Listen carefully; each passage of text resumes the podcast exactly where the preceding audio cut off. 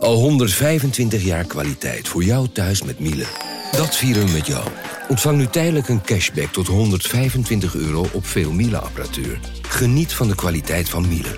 Voor perfect verzorgd wasgoed en kleding die veel langer mooi blijft. Voor een stralend schone vaat, even perfect als jouw diners. En een stofvrij thuis waarin echt hygiënisch schoon de standaard is. Check miele.nl voor alle feestelijke aanbiedingen. Vanaf de redactie van NRC het verhaal van vandaag. Mijn naam is Thomas Ruip.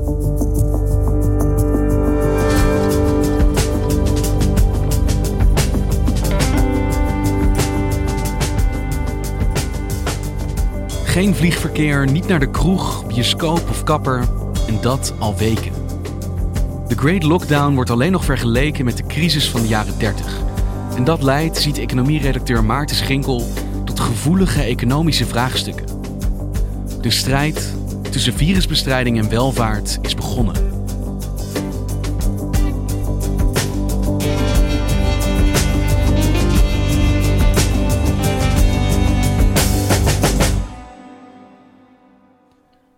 Hey Maarten, de vorige keer dat we elkaar spraken, eindigde je eigenlijk met een voorspelling van wat het grote vraagstuk van de komende tijd zou worden. En dat noemde je eigenlijk een taboe, een onverkwikkelijke vraag.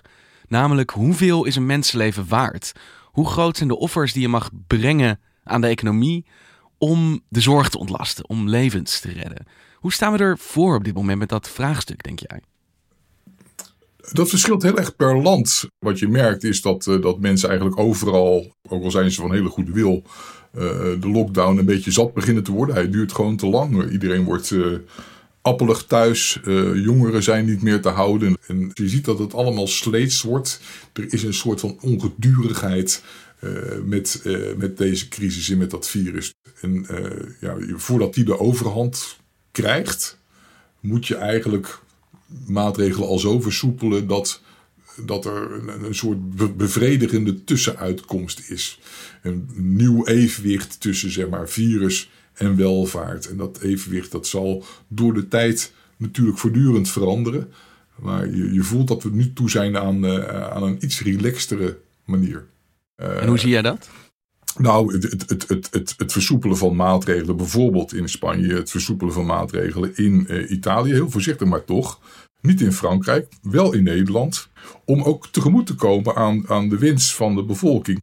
Goedenavond. Een aantal Europese landen laten teugels weer wat vieren. In Spanje mogen restaurants als eerste weer open. Vanaf 4 mei kunnen de Spanjaarden daar eten afhalen.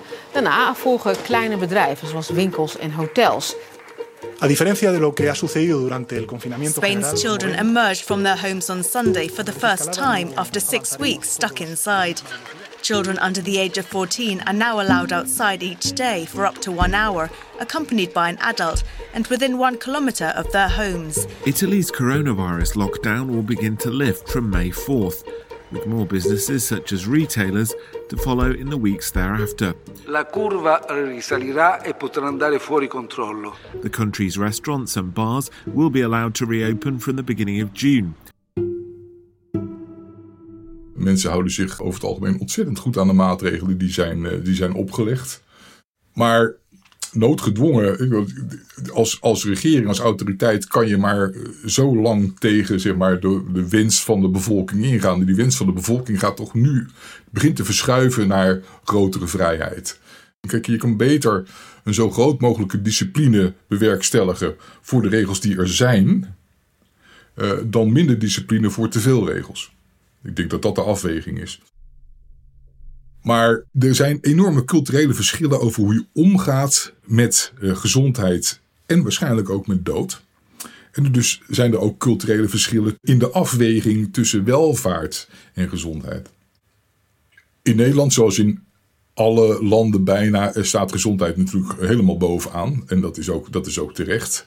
Uh, maar er wordt natuurlijk wel nagedacht over de kosten van een, uh, een gewonnen levensjaar. Een, een kwalitatief hoog gewonnen levensjaar. Ja, we horen discussie natuurlijk de afgelopen tijd steeds meer gevoerd worden in de media. Ja, Jort Kelder op de radio. Laten we wel wezen, we zijn 80-plussers die te dik zijn, die gerookt hebben, nu aan het redden. Dat klinkt heel hard. Maar het is statistisch natuurlijk wel uh, wat er gaande is. Ja. ja, dat op een gegeven moment moet er gewoon een belangenafweging komen. Van wat, hoeveel economische schade is ons het redden van mensen die waarschijnlijk daarna binnen twee jaar dood waren gegaan waard. Jort, maar komt, nee, maar ik ga het uitleggen. Maar is er een moment dat dat los moet en dat dat ondernemersbelang gezien gaat worden? Want ik geloof niet dat iedereen het thuis doorheeft. Mensen die nog bij grote bedrijven werken, bij overheidsorganisaties werken. Er gaan duizenden, duizenden, duizenden bedrijven failliet als we dit niet oplossen. Jort Kelder. Ja, en natuurlijk ook de meest besproken, bekritiseerde vraag van vorige week uh, aan Mark Rutte na de persconferentie. Meneer Rutte, al weken zegt u dat Nederland zich voorbeeldig gedraagt. En wat krijgen mensen ervoor terug? Nog eens drie weken verlenging. Hoe rijmt u dat met elkaar? Je merkt dat het, dat het taboe uh, op het afwegen van virus en welvaart er op dit moment wel begint af te gaan. En als jij zegt Nederland en andere landen staan eigenlijk voor een keuze en dat is op een bepaalde manier welvaart versus virus. Op welke manier worden daar dan afwegingen in gemaakt? Hoe bepaal je wat de juiste maatregelen zijn om te nemen? Uh, dat is heel lastig, omdat je, je moet de toekomst in kunnen kijken. Dat kan je per definitie niet, want we weten nog steeds niet het verloop van deze ziekte. Je zag eh, gisteren eh, het, het Centraal Bureau voor de Statistiek een, een enorme daling van het producentenvertrouwen, van het vertrouwen van ondernemers vertrouwen dat industriële ondernemers in de economie hebben is op het laagste niveau ooit. Volgens het CBS zijn er deze maand ruim 28% meer producenten die het somber inzien dan die positief zijn. In de transportmiddelenindustrie is het vertrouwen het laagst, in de voedings- en genotsmiddelenindustrie het hoogst. Het punt is dat dit soort data per definitie natuurlijk te laat zijn. Die, die geven een beeld van de economie en de samenleving van drie weken geleden, met een beetje mazzel misschien twee weken geleden. Het is heel moeilijk om te zien wat er op dit moment gebeurt. Um, dat beïnvloedt natuurlijk gewoon ook de beslissingen die je neemt over je economie. En als je in het duister tast over de ziekte, tast je in het duister over je economie. En dan is het heel lastig om beleid te maken. Dus het is een voortdurend laveren. Wat kan wel, wat kan niet. Je ziet het bij de reddingsoperatie voor KLM. KLM krijgt, is haastig besloten afgelopen vrijdag, tussen de 2 en de 4 miljard. Maar dan kan je je afvragen, welke vliegtuigmaatschappij ben je aan het steunen? Ben je de KLM aan het steunen zoals die was? Dan hou je alle piloten in dienst, je houdt alle vliegtuigen die onderhoud je, al het personeel hou je aan, want de KLM wordt weer zoals die was. Of ben je de KLM aan het steunen zoals die waarschijnlijk wordt? Nou, misschien wordt die wel veel kleiner. Misschien wordt die langdurig veel kleiner.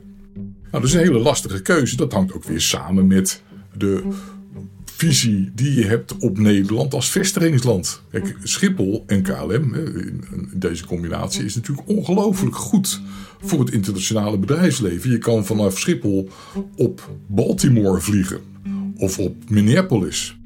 Maar stel je voor dat eh, zakenreizen eh, veel minder intensief wordt in de toekomst. Dat we de smaak te pakken hebben gekregen van het, van het telewerken. Stel je voor dat we nog heel lang een soort van social distancing gaan houden in de luchtvaart.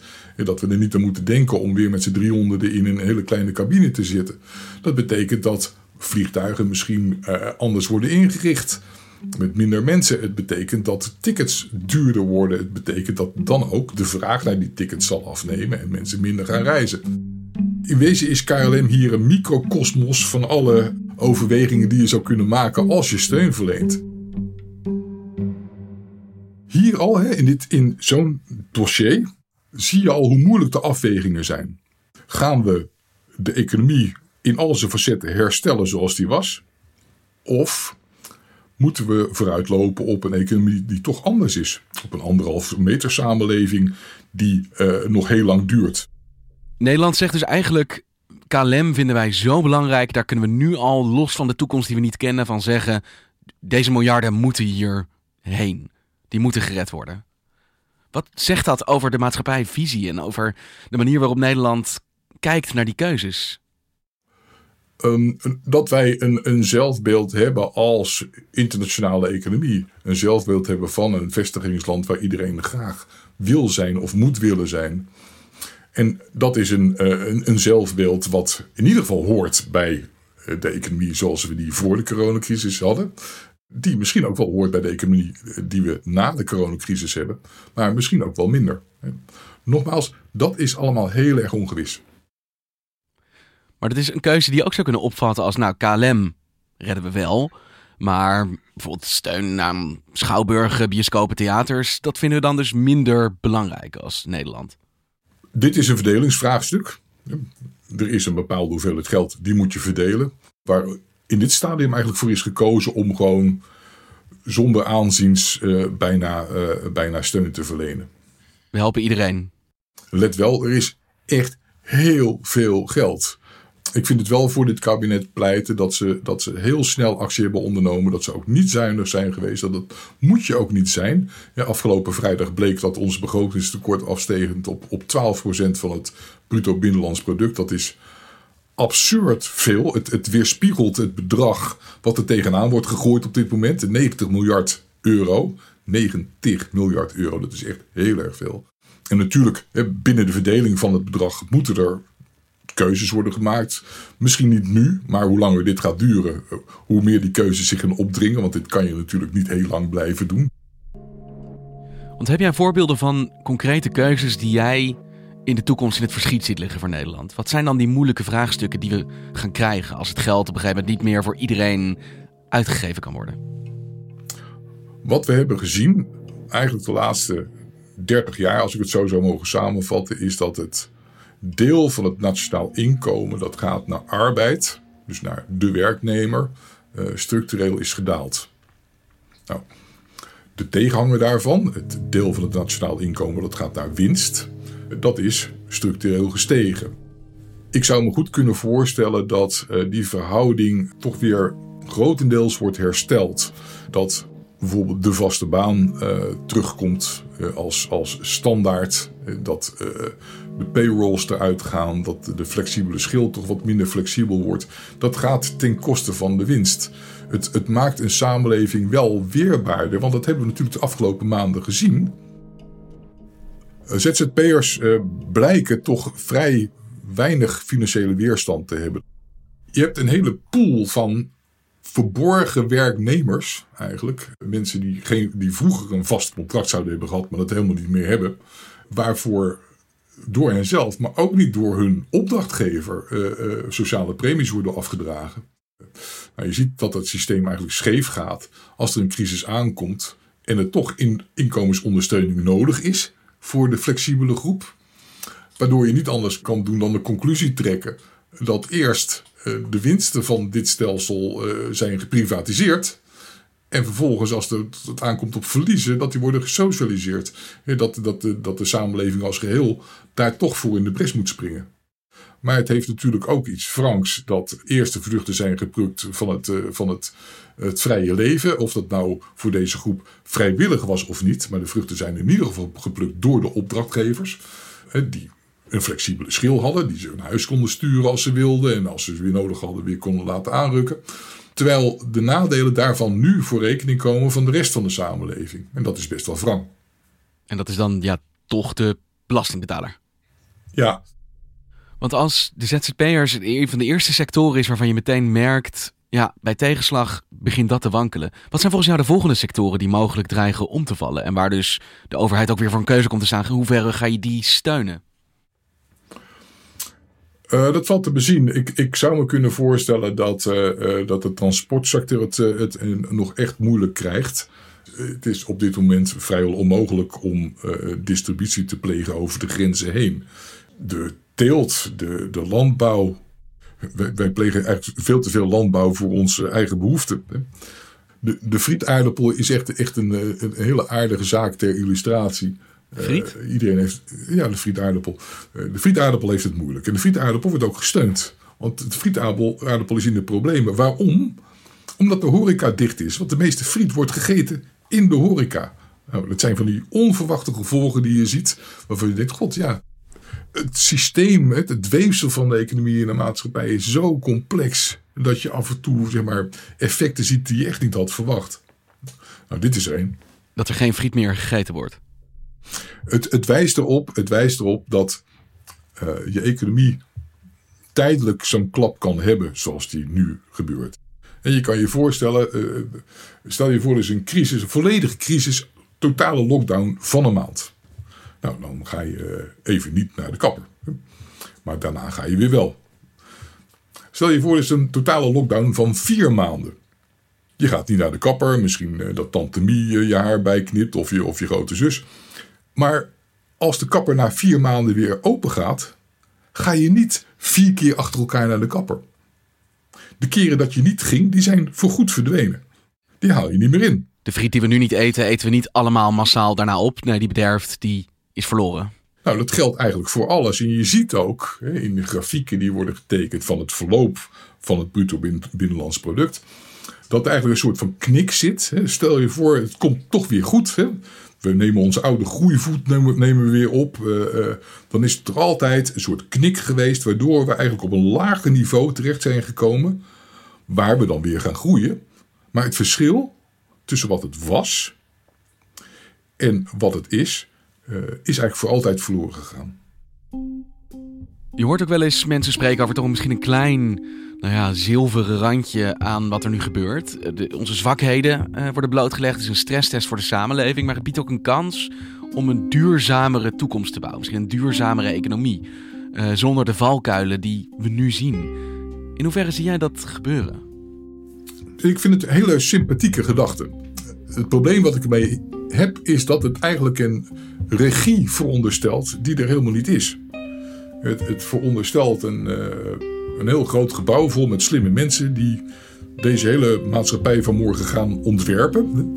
Uh, die zeggen, nou, dit is een kans, die nemen we. Deze crisis, never waste a good crisis. Ja, precies. Grijp zo'n moment dan aan om op zijn minst iets positiefs te creëren. Wat hieruit kan komen. Want heb jij het gevoel dat dat gaat gebeuren? Is dat aan de gang?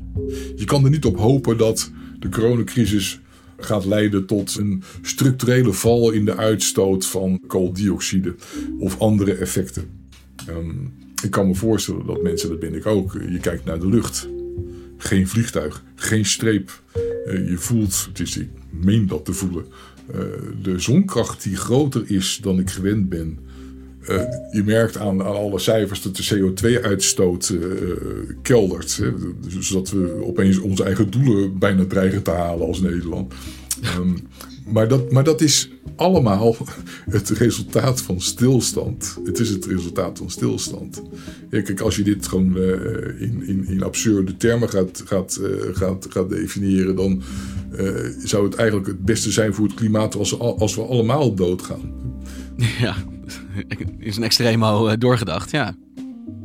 Dus je moet uitkijken, denk ik, met het. Want dat is natuurlijk een teleurstelling uh, in de maak. Uh, je moet uitkijken met het projecteren van al die wensen op deze crisis. En ervan uitgaan dat, dat we straks met een schone lei beginnen. Dat is niet zo. We hebben een vuile lei, we hebben een volbeschreven lei. Daar moeten we het mee doen. En voor jou als economisch journalist is het niet op een gegeven moment heel erg vermoeiend om de hele tijd maar gevraagd te worden over een toekomst die je niet kent? In plaats van dat je moet rekenen over hoe het heden eruit ziet. Ja, we hebben natuurlijk ook als journalisten uh, uh, hebben wij zeg maar, bijna een soort race gezien in uh, negatieve voorspellingen. Wie, wie maakt de meest zwartgallige scenario's? Maar dat zijn scenario's die allemaal nog in het verschiet kunnen liggen. Nou, de waaier is enorm groot. De waaier is heel groot. En daar, dat maakt het ook zo moeilijk om, uh, om uitspraken te doen.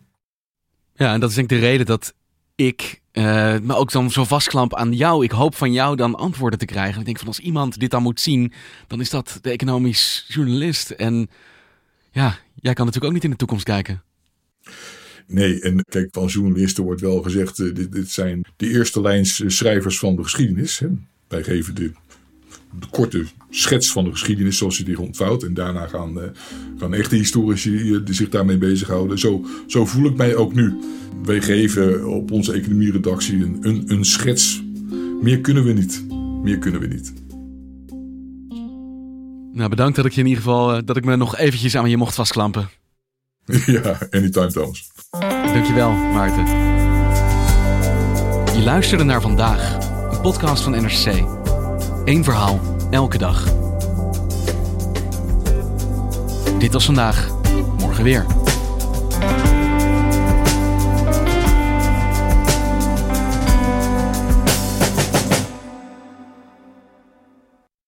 Technologie lijkt tegenwoordig het antwoord op iedere uitdaging.